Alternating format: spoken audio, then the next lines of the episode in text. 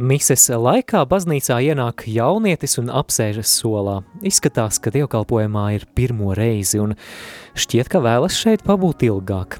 Puisis nav novilcis savu beisbola cepuri un, protams, ka draudzes locekļi ar zināmu neusticību vēro šo jaunienācēju, protams, ka nenovilktās cepures dēļ.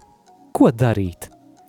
Mums taču galu galā ir pieņemts vismaz vīriešiem, ka ienākot baznīcā mēs noņemam cepuri, vai ne?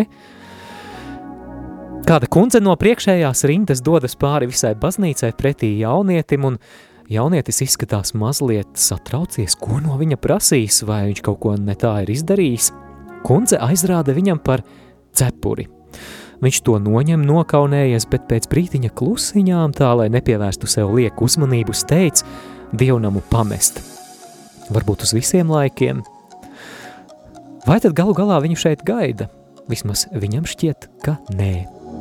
Tad kā būtu bijis labāk pievērt acis uz to jauniešu cepuru un priecāties, ka viņš vispār pirmo reizi centās piedalīties lūkšanā, vai tomēr pastāvēt uz svētu principu, cepurei baznīcā jābūt noņemtai.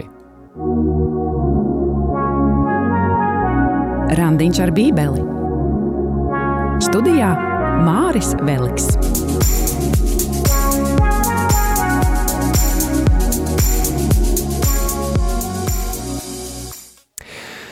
Kā tu, klausītāji, domā, kā būtu labāk rīkoties minētajā gadījumā ar jaunieša nenovilkto cepuri? Droši iesaisties ēterā.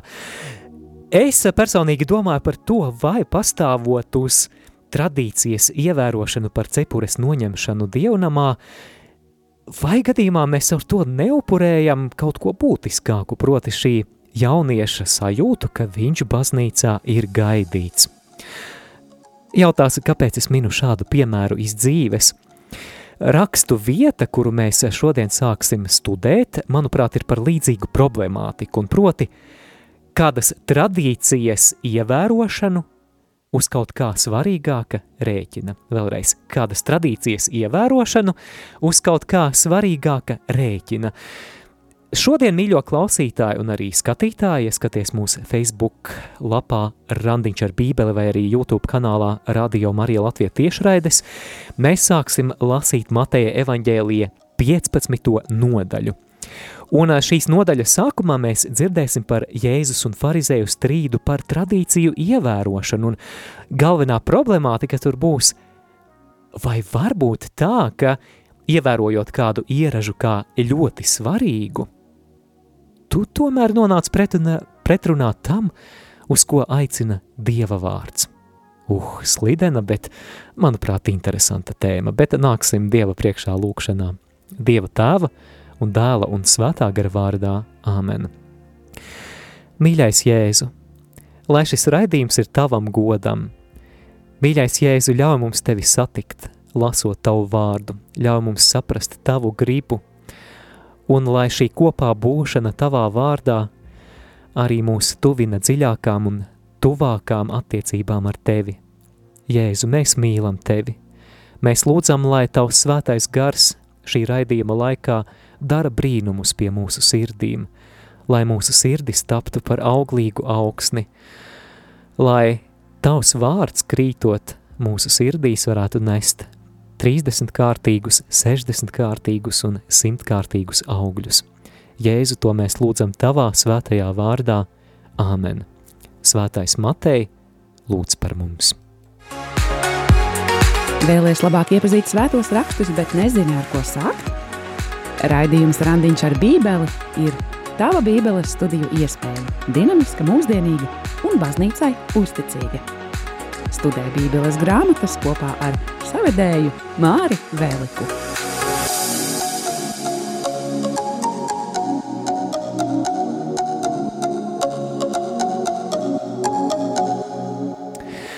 Mēs šodien sākam lasīt Mateja evaņģēlija 15. nodaļu, un šeit, kā tu dzirdēsi, rakstu mācītāji un farizēji pārmetīs, ka Jēzus mācekļi neievēro rituālo roku mazgāšanas ceremoniju, jeb tradīciju.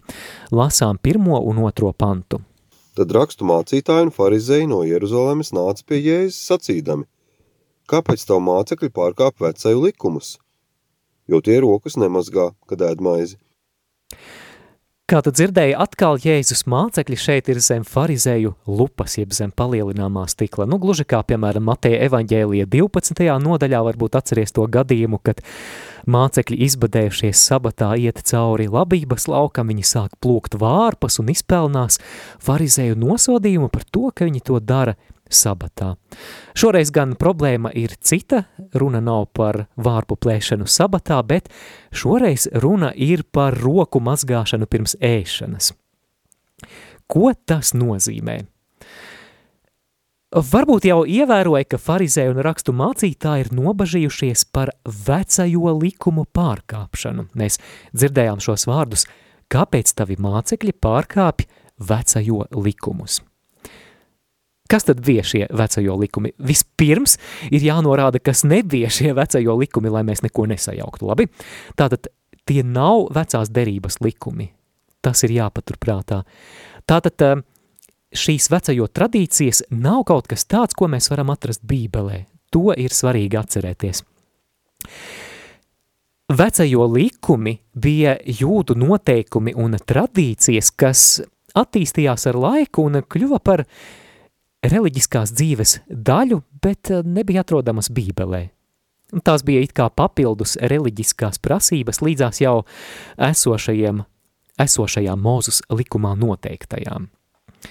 Tad nu parunāsim par šo roku mazgāšanu. Tā bija īpaša prakse, kura Jēzus laikā bija ieviesusies kā papildus prasība, un es vēlreiz uzsveru, tā nebija atrodama vecajā derībā. Mēs zinām, piemēram, ka vecajā derībā rituālās mazgāšanās, jeb šķīstīšanās prasības bija, piemēram, vecās derības priesteriem pirms kalpošanas templī. Ļoti iespējams, ka šī vecajo tradīcijā atrodamā prasība mazgāties, rituāli īpaši apmazgāties pirms katras ēdienreizes, iespējams bija saistīta ar šo priesteru apmazgāšanos. Uh, šis princips iespējams, iespējams tika paplašināts un tad attiecināts uz katru ēdienreizi. Bet Bībelē šādas prasības nebija, un kā mēs redzam, mācekļi šādu prasību arī nemaz neievēroja. Kas vēl šeit ir jāpiemetina arī tas, ka runa šeit nav par roku mazgāšanu, kā to saprotam mēs pirms ēdienreizes, kas uh, šķiet pilnīgi pašsaprotami, un mēs pat citādāk nevaram iedomāties, vai ne? Mēs ejam kaut kur pie izlietnes, mēs saziepējam rokas un pirkstus un nomazgājam, mēs to darām vienkārši higēnas prasību dēļ. Šeit runa ir par kaut ko citu. Vecajo likumā šī roku mazgāšana bija īpaša reliģiska šķīstīšanās ceremonija, jeb īpašs rituāls kas tika veikts pirms ēdienreizēm. Un šī bija tikai viena no daudzām paražām, ar kurām laika gaitā bija apaugusi jūdu reliģiskā dzīve, vai kas bija kļuvušas par tādām metodēm, ne, ne gluži metodēm, bet veidiem, kā mēs savu dievbību varam apliecināt dzīvē tādā redzamā, praktiskā veidā. Jēzus atbilde no trešā panta, ko tulīt mēs dzirdēsim, uh, runā par vēl kādu ieražu, kas arī nebija svētajos rakstos, bet nu, vismaz farizēju aprindās bija tapusi par nopietnu reliģiskās dzīves normu. Lasām no trešā panta. Bet viņš atbildēja un tiem sacīja, kāpēc arī jūs pārkāpjat Dieva likumu, jūsu pašu doto pavēļu dēļ, jo Dievs ir sacījis, godā savu tēvu un māti, un kas tēvu vai māti nolāda, tam būs mirti, bet jūs sakāt – Ja kas sacītu tēvam vai mātei, kas tev no manis nāktos, lai ir dievam par upuri, tam vairs nevajagot godāt savu tēvu un māti. Tā jūs atceļat dievu vārdu, jūsu pašu doto pavēļu dēļ.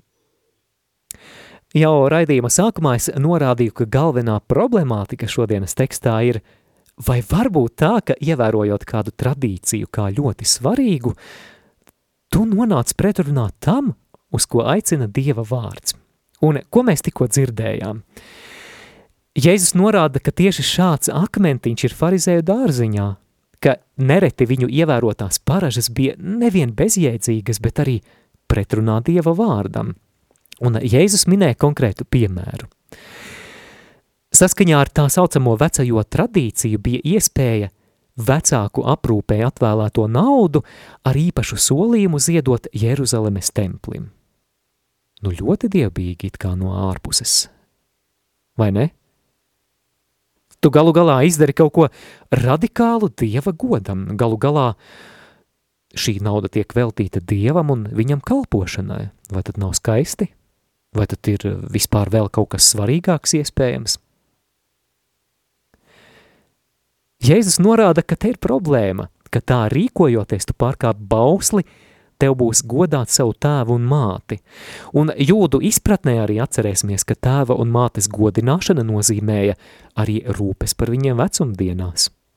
Lūk, piemēram, kas sakām vārdu grāmatā, 28. nodaļā, 24. pantā ir teikts, kas aplaupa tēvu un māti un saka, nav jau grēks, draugs un biedrs tāds maitātājam.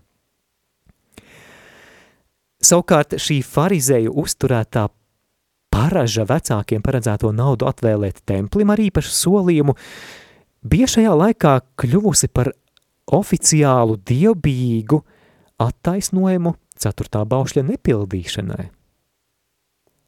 Tad nu jautājums, vai var būt tā, ka ievērojot kādu it kā svarīgu ieražu, tu nonāc pretrunā tam, uz ko aicina Dieva vārds? Jā. Jēzus min šo uzskatāmo piemēru. Farizēji šajā gadījumā savas tradīcijas padarīja svarīgākas par Dieva vārdu. Lai arī cik dievbīgi tas vir, no virspuses varbūt arī izskatītos. Iesaisties ēterā, zvanot uz studijas tālruni 67 969 131 vai rakstot īsiņu uz numuru 266, 77, 272. Izmanto arī e-pasta iespēju Studija at rml.lv.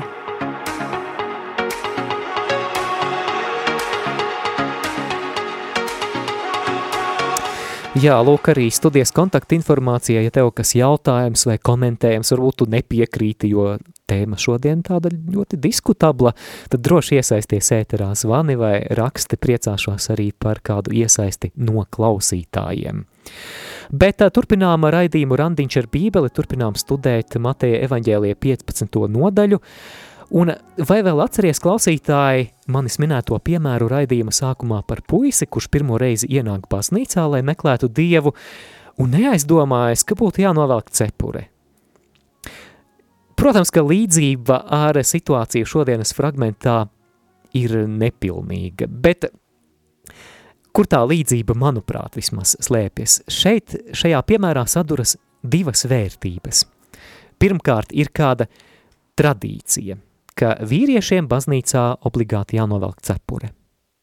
Nu, nu, protams, ka tas ir cieņas un godbības Dieva priekšā apliecinājums vismaz mūsu baznīcas kultūrā. Otrā vērtība ir tādas vides radīšana baznīcā, kurā pat visnezinošākais Dieva meklētājs sajustos kā mājās – Pat tad, ja viņam nav ne jausmas, kā pārmest krusta zīmi, kā nomesties ceļos tabernākula priekšā, vai tādam, kurš varbūt pat uztraukumā neaizdomājas par cepures novilkšanu. Protams, mēs varam diskutēt, kura no šīm divām vērtībām šeit ir svarīgākā, un tu droši vari arī par to iesaistīties ēterā. Bet tas, par ko es domāju, vai nav tā, ka principiāli ievērojot tradīciju un aizraid, aizrādot šim puisim par cepuri, vai gadījumā mēs nenokaujam kaut ko daudz svarīgāku, proti šī cilvēka pirmos trauslos nedrošos solīšus uz baznīcu pie Dieva. Bet atgriežamies pie Mateja evaņģēlija teksta, uz tiem, kas cilvēku ieražas padara svarīgākas par Dieva vārdu, kā mēs tālāk lasīsim, Jēzus attiecina pravieša Jesaja vārdus. Turpinām lasīt no 7. līdz 9. pantam. Jūs liekuļi, Jesaja ir pareizi par jums sludinājis sacīdams, šī tauta godā mani ar savām lūpām, bet viņu sirdis ir tālu nos no manis. Bet velti tie godina mani, sludinādami mācības, kas ir cilvēku likumi – Jā, mēs nu pat dzirdējām to, kā Jēzus citē fragmentu no pravieša Jesajas grāmatas, precīzāk 29. nodaļas 13. pantu no sengrieķu versijas jeb septogintas. Un pravieša vārdos mēs dzirdējām divas apsūdzības. Pirmā apsūdzība ir par neatbilstību starp ārēju dievkalpošanu un iekšējo sirds nostāju. Šie iesajas vārdi, šī tauta mani godā ar savām lūpām, bet viņu sirds ir tālu nost no manis.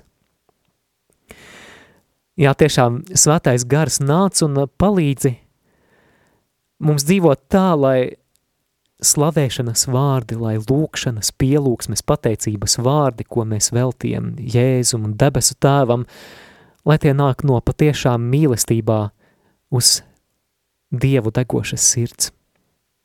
Kungs pasargā mūs no tā, no tā, ka šis brīdinājums attiektos uz mums, ka mēs godinām Dievs, ka mēs godinām Tevi ar savām lūpām, bet ka mūsu sirds stāvoklis ir neatbilstošs tam. Tad otrā apsūdzība šajos pravieša vārdos ir par Dieva it kā godināšanu, sludinot cilvēciskus priekšrakstus.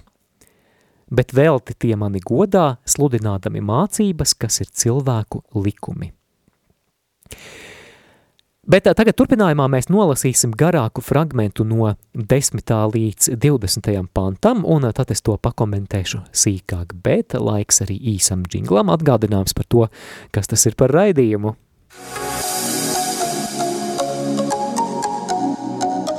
Skan randiņš ar bībeli.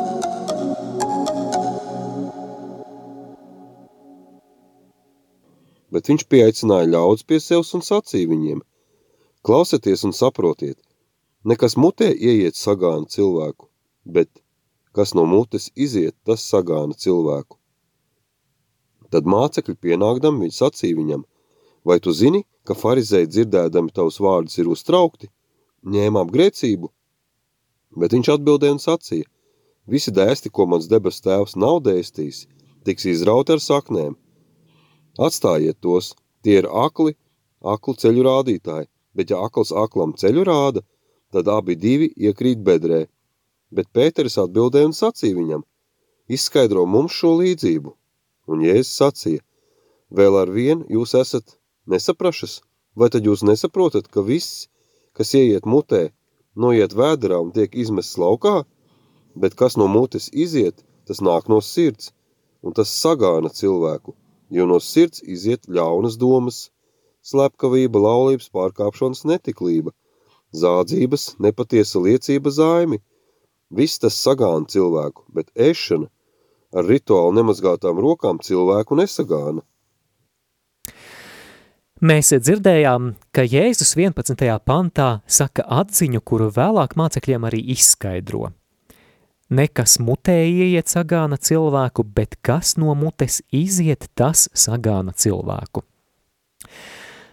Dargo klausītāji, dargo skatītāji, šīs rakstu vietas skaidrojumā ir jānošķir divi svarīgi jēdzieni, un tie ir rituālā nešķīstība un morālā nešķīstība. Mēs sāksim ar morālo nešķīstību. Tā ir cilvēka aptraipīšanās ar grēku. Un Vecajā derībā šī morālā nešķīstība, kas patiešām saistās ar grēku, tiek nošķirta no rituālās nešķīstības. Mēs varbūt neesam pieraduši mūsdienās domāt rituālās nešķīstības kategorijās. Varbūt vistuvākais piemērs, varbūt katoļu vidu, vidē varētu būt euharistiskais gavēnis pirms komunijas, ka mums ir jāiet tur kāds laiciņš, kad mēs neuzņemam pārtiku tādējādi sagatavojoties. Tātad šeit runa nav par grēku, bet šeit ir runa par īpašiem apstākļiem, kuriem piepildoties tavā dzīvē, tu uz kādu laiku līdz tam brīdim, kad tu izēj cauri šķīstīšanās rituāliem, šķīstīšanās ceremonijām, tu it kā tiec izslēgts no dievkalpošanas un varbūt pat sabiedriskās dzīves. Piemēram, bērna dzemdības vecajā derībā, pieskaršanās mirušā ķermenim vai ādas slimība. Protams, ka tas nav grēks. Bet vecās derības izpratnē šīs lietas cilvēku padarīja nešķīstu. Rituāli, jeb ceremoniāli nešķīstu. Tātad šo apstākļu novirze no normālā nostādīja personu it kā stāvoklī, ka šī persona ir izslēgta no jebkādas sabiedriskās vai reliģiskās dzīves, un lai atgrieztos dzīvē, bija jāiziet īpaši šķīstīšanās rituāli. Piemēram, bija rituālā apmazgāšanās, un šis farizēja pārmetums par to, ka mācekļi nemazgā rokas, ir rūpes tieši par šo rituālo šķīstību. Mēs redzam, ka farizēji ir pārlieku norūpējušies par šo rituālo nešķīstību, kam drīkst pieskarties, kam nedrīkst pieskarties, ko drīkst ēst, ko nedrīkst ēst. Jēzus atbildē mēs ļoti skaidri redzam to, ka Jēzus šos rituālās šķīstības jautājumus uzskata par nesvarīgiem. Cilvēka sirds morālais stāvoklis Jēzum ir daudz svarīgāks par to, kādus pareizos ārējos priekšstatus cilvēks ir vai nav izpildījis. Patiesā aptraipīšanās pēc Jēzus vārdiem izriet ne jau no tā, ko, piemēram, cilvēks apēda. Farizējiem tas ir pretēji tieši, viņiem tas ir ļoti svarīgi, bet Jēzus to uzskata par ļoti virspusēju skatienu. Viņš saka tā, ka ēdiens, kuru tu apēdi, un atcerēsimies, ka vecajā derībā bija šķīsti ēdieni, nešķīsti ēdieni, Šis ēdiens galu galā vienkārši iziet cauri zarnu traktam un nonāk kanalizācijā, un kā tas var tevi morāli aptraipīt? Tas neatstāja ne mazāko ietekmi uz cilvēka iekšējo garīgo stāvokli. Ēdiens, lai kāds tas būtu, viņš nevar izraisīt tādu morālu iekšējo sapuvumu.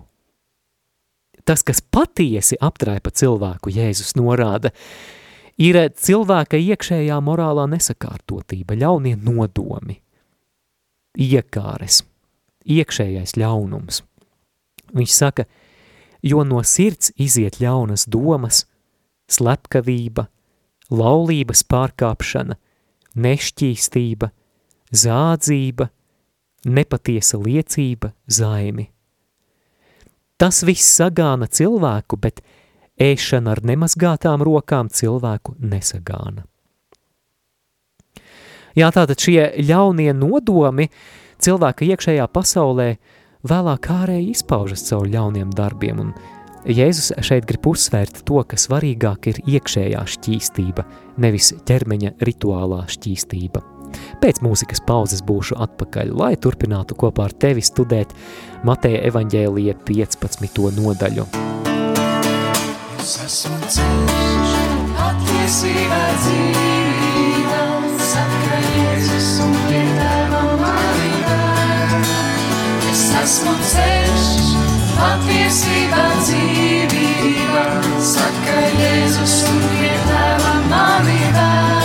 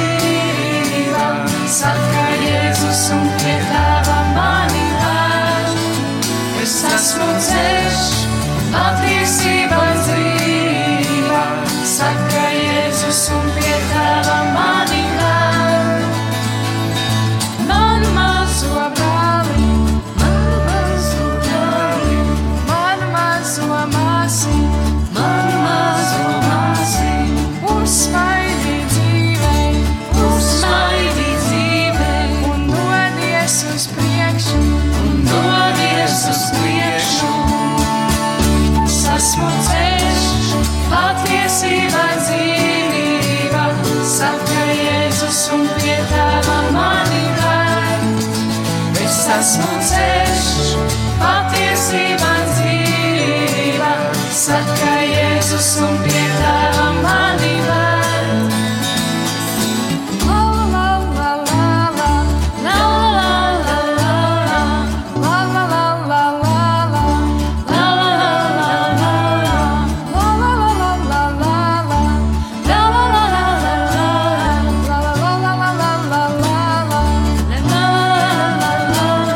Savu skanējumu turpina raidījums Randiņš ar bībeli. Ja vēlies iesaistīties ēterā un padiskutēt vai pajautāt vai pakomentēt, tad numurs jūsu telefona zvaniem ir 679 69 131. Numurs īsiņām un WhatsApp ziņām ir 266 77 272, studijas e-pasts studija etrml.lv. Un, protams, arī savus komentārus droši atstājiet sociālajos tīklos, ja skatāties video tiešraidi vai vēlāk arī video atkārtojumu. Tas palīdzēs arī Radio Marija saturam izplatīties sociālajos tīklos, aizsniedzot tos cilvēkus, kuri ikdienā varbūt Radio Marija neklausās un jau iepriekš no sirds pateicos.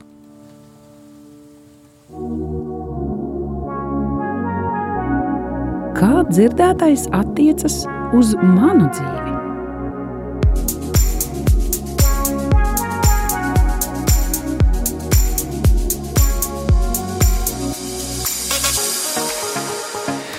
Galvenā problemātika šodienas Dieva vārdā, ko mēs lasījām no Mateja evaņģēlija 15. nodaļas, ir, vai var būt tā, ka ievērojot kādu ieražu kā ļoti svarīgu, tu nonāc pretrunā tam, uz ko aicina Dieva vārds.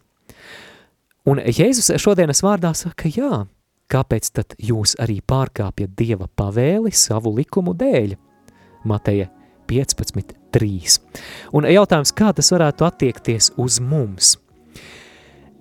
Es domāju par tiem brīžiem, kad mēs nepamanām, ka mūsu uzstājība uz kādu ieradumu, uz kādu ieražu, kādu tradīciju, vai uz to, ka nu taču vienmēr tā ir bijis, ka tas sāk nodarīt skādi kādā svarīgākā lietā, bet mēs to nepamanām.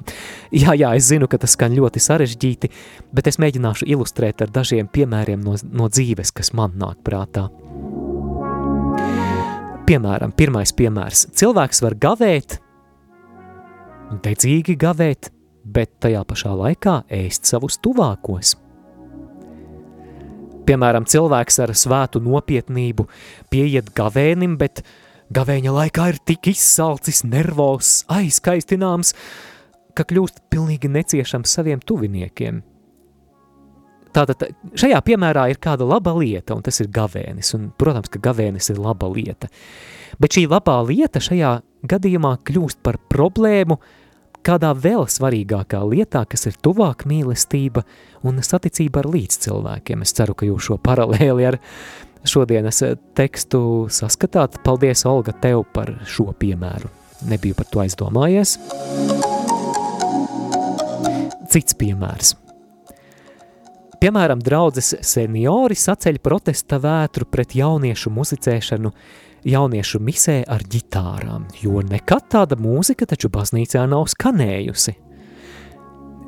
Kas šeit notiek? Šeit arī ir kāda tradīcija, proti priekšstats par to, kādai jābūt mūzikai baznīcā. Un aizstāvot to tiek uzbrukts jauniešu ilgām slavēt Dievu viņiem saprotamā veidā, un līdz ar to tiek kaut kas slāpēts jauniešu garīgajā dzīvē. Vai piekrītat vai nepiekrītat šādam piemēram droši varat iesaistīties? Vai cits piemērs? Ir piekdiena – Es viesojos pie maniem draugiem no citas konfesijas, un viņi man ir sagatavojuši garšīgu, smaržīgu gaļas cepeti. Bet es kā katolis aizbildinoties ar gaļas gavēni piekdienās, atsakos no mielasta. Nu, it kā ļoti dievbīgu motīvu dēļ, farizēji arī ļoti dievbīgu motīvu dēļ, mazgāja rokas pirms katras ēdienreizes. Bet draugi, kuri ar mīlestību ir centušies un gatavojuši šo cepeti, uh, jūtas sāpināti. Tad šajā piemērā šī piekdienas gavēņa ievērošana notiek uz kaut kā svarīgāka rēķina, kas ir tuvāk mīlestība. Vai cits piemērs, kas man nāk prātā. Pirms Covid pandēmijas ar svētā Kamila grupiņu ik pa laikam man bija iespēja piedalīties kalpošanā slimnīcās. Mēs apstaigājām palātas, aicinājām cilvēkus uz svēto misi tajā pašā vakarā slimnīcas kapellā. Un uz šo misi parasti mēdza nākt pacienti, tie, kuri, protams, var staigāt, bet daudzi no viņiem pārvietojās ar grūtībām. Un šodienas tēmas sakarā mani ļoti uzrunāja tas, kā priesteri, kuri svinēja šīs mises pirms evharistiskās lūkšanas, kad visi metas ceļos, viņi arī uzsvēra slimniekiem, ka var arī nemesties ceļos, ja to ir grūti izdarīt. Un tur patiešām bija cilvēki, kuriem tas prasītu ļoti daudz. Manuprāt, tas bija labs piemērs tam, kā kādu noteikumu, kurš pats par sevi ir labs, kurš ir svētīgs, ka noteiktā kontekstā, kā to nepadarīt par nevajadzīgi grūtu slogu slimniekiem.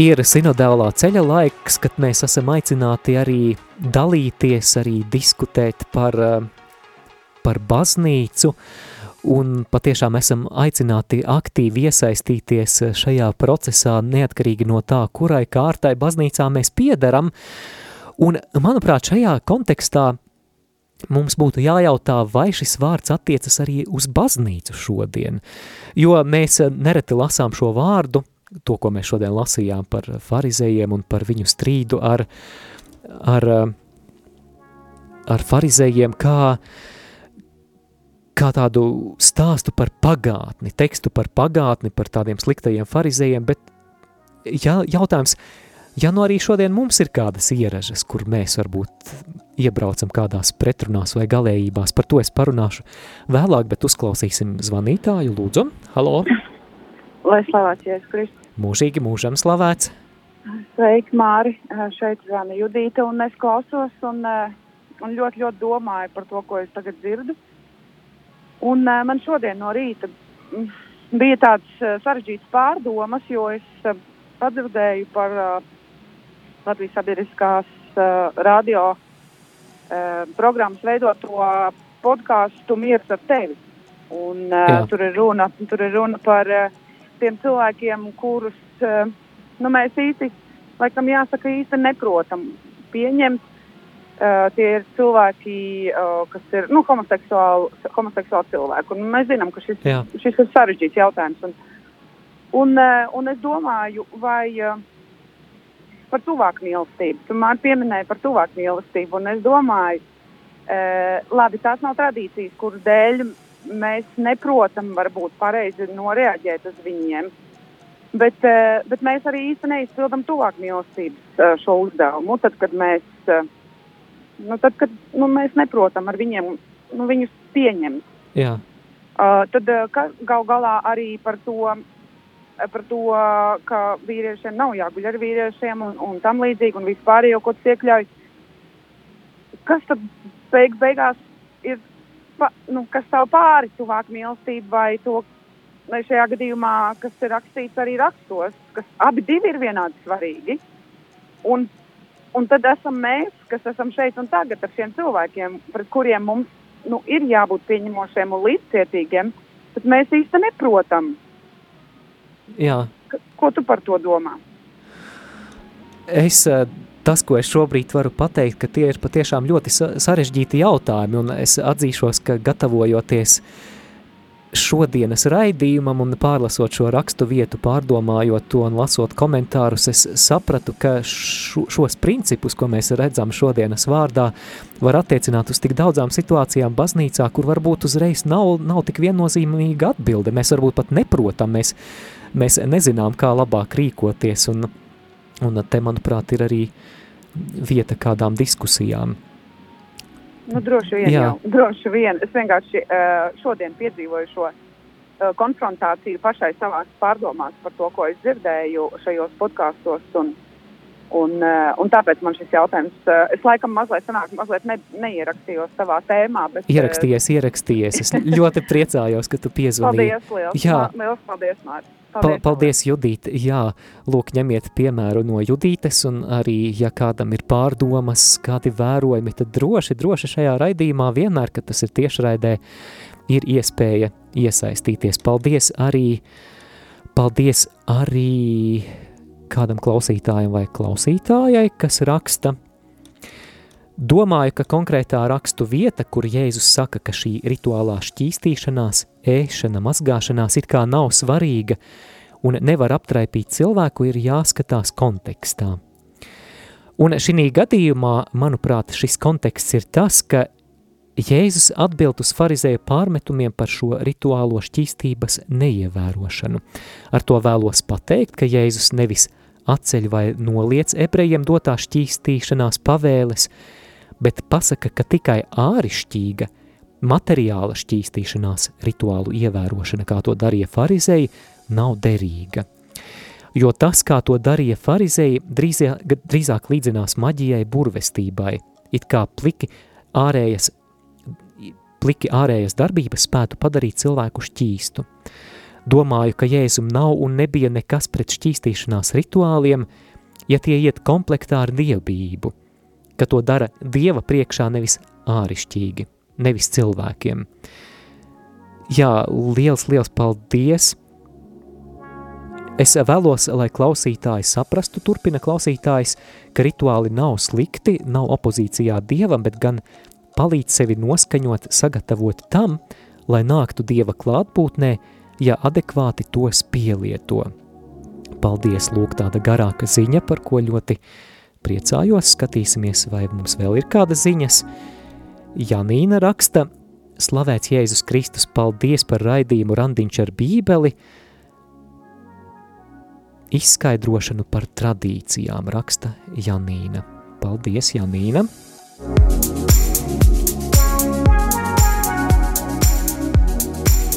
Skan Randiņš ar bībeli.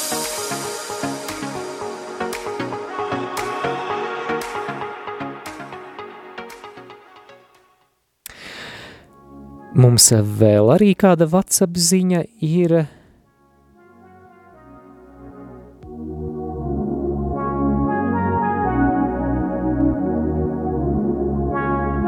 Tā mazliet pazaudēju, pazaudēju ziņu.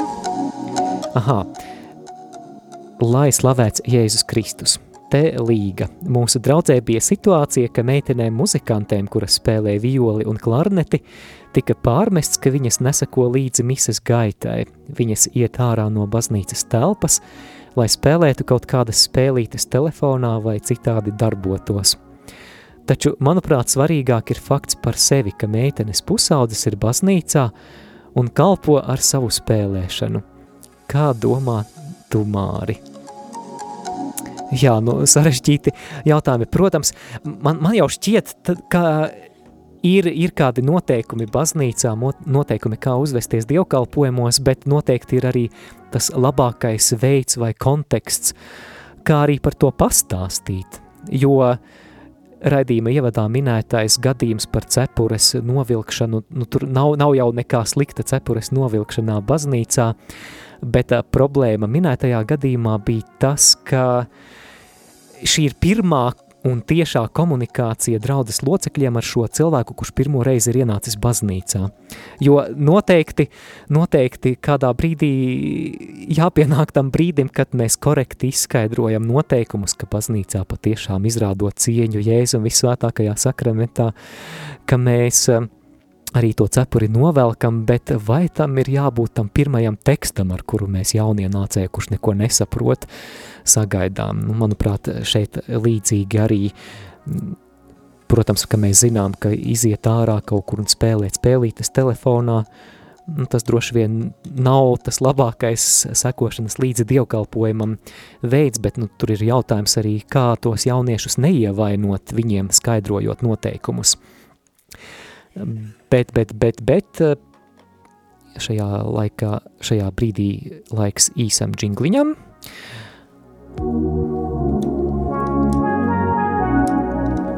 Jā, es gribēju vēl noslēgumā tikai diskusijai iemest kādu lietu. Es nevēlos šeit neko apgalvot, es jau minēju par to, kā šis vārds attiecas uz baznīcu šodien. Es tikai gribēju diskusijai iemest jautājumu un aicinu vēlāk arī izteikt savas domas komentāros Facebookā vai YouTube'ā. Jautājums, vai šādas mazās tradīcijas piemērs, piemēram, nav komunijas došana lajiem zem vienas zīmes? Nē, es neuzskatu, ka tas ir kaut kas ļoti svarīgs un ka tas būtu ļoti problemātisks jautājums, jo es pilnībā piekrītu pamatojumam, ka Jēzus ir pilnībā klātesošs arī zem vienas zīmes. Proti, tu nesaņem mazāk Jēzus, ja tu saņem kungu tikai zem maizes zīmēm. Š šeit es pilnībā piekrītu šim, šim pamatojumam, izskaidrojumam, tomēr es runāju šeit par pieredzi, ka Jēzus ņem maizi, dod un saka, lūk, mana miesa, tad viņš ņem vīna biķeri un dod kā savas asinis. Un tātad Jēzus pēdējās vakariņās atstāja mums savu reālo klātbūtni zem divām izteiksmīgām sakramentālām zīmēm – maizes un vīna zīmēm. Un Jēzus miesas un asiņu baudīšana ir, ir tā pieredze, ko Jēzus saviem mācekļiem uzticēja – Tomēr šodien, kad šis jautājums, es, es tā esmu ievērojis, kad no laju puses varbūt tiek pacelts kaut kur baznīcā, es tik bieži esmu dzirdējis ļoti izteiktu komunijas zem vienas zīmes aizstāvēšanu. Un tā it kā šī komunijas dalīšana zem vienas zīmes būtu kāda ļoti svēta un īpaši aizsargājama vērtība. Es vēlos vēlreiz uzsvērt, ka es neuzskatu to par ļoti būtisku jautājumu. Uh, jo es nešaubos, ka pietiek tikai ar vienu veidu, lai Jēzu saņemtu pilnībā. Tomēr mans jautājums, ko es vēlos vienkārši tādai diskusijai arī sinodālā ceļa kontekstā iemest, ir, vai šodienas rakstu vietas kontekstā nesanāk tā, ka abu evaharistijas zīmju pasniegšanas liekšana un komunijas zem vienas zīmes kā vērtības aizstāvēšana vai gadījumā kaut kur neatceļ arī to Jēzus novēlēto pēdējo vakariņu pieredzi – kā tā aprakstīta evaņģēlijos, kā tā aprakstīta apustuļa Pāvila pirmajā vēstulē korintiešiem 11. nodaļā. Jā, es to saku ar, ar vislielāko mīlestību un cieņu un baznīcu un, un drīzāk uzstādu to kā diskusijas jautājumu. Tā, man šķiet, ka mums ir, mums ir vēl kādas ziņas no klausītājiem. Paldies par raidījumu, ļoti aktuāla tēma raksta Inese – Un vēl arī ziņa mani uzrunāja šodienas rakstu vieta sakarā ar to, ka Dievam pirmām kārtām ir svarīga mūsu sirds. Viņš arī vēlas, lai mēs pazīstam viņa sirdi un rīkojamies izējot no viņa sirds perspektīvas. Šajā gadījumā runājot par to cepuri, gribētu skatīties uz šo cilvēku, kas ienāca baznīcā ar cepuri no Dieva sirds perspektīvas. Dieva prioritāte glābt cilvēku, Un viņš noteikti priecājas par to, ka viņš ienāca baznīcā pat ar cepuri uz galvas. Lūk, arī tāds mums viedoklis.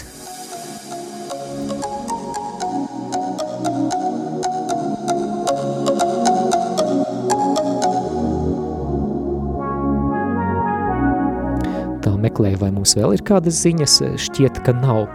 Nu ko, tad varbūt rezumējot, rezumējot arī šodienas vārda praktisko pielietojumu, ir mācīties ieraudzīt savu rīcību plašākā bildē, kā mana rīcība ietekmē lietas plašāk, un vai tā netraucē pildīt Dieva gribu. Tātad, kā mana rīcība ietekmē lietas plašāk, un vai tā netraucē pildīt Dieva gribu. Un, protams, arī noslēgumā, kā ieraudzīt lietas plašāk. Lasi bībeli. Šī raidījuma viens no galvenajiem mērķiem ir iedrošināt, iedvesmot cilvēkus lasīt bībeli savos individuālajos, privātajos randiņos ar bībeli. Bet raidījuma noslēgumā lūksim Dievu, Dieva tēva un dēla un svētā gara vārdā Āmen.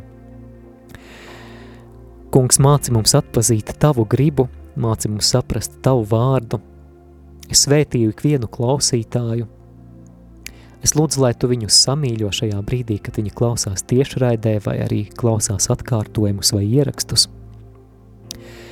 Kungs, es lūdzu par baznīcu, es lūdzu arī par šo sinodālo ceļu, kurš ir baznīcā, lai tas nes labus paliekošus garīgus augļus, lai tas ir instruments tavās rokās, lai dāvātu jaunu elpu, jaunu atmodu baznīcai – To mēs lūdzam Jēzu, Jēzus Kristus vārdā.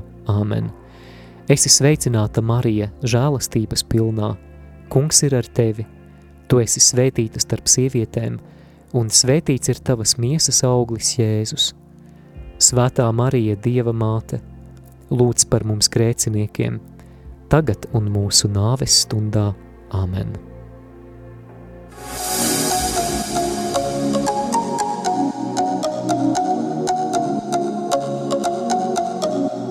Jūs klausījāties raidījumu Randiņš ar Bībeli. Savas atsauksmes, ieteikumus un jautājumus sūtiet uz e-pastu randiņš ar bībeli at gmail.com. Iepriekšējās raidījuma epizodes aicinām meklēt arhīvā.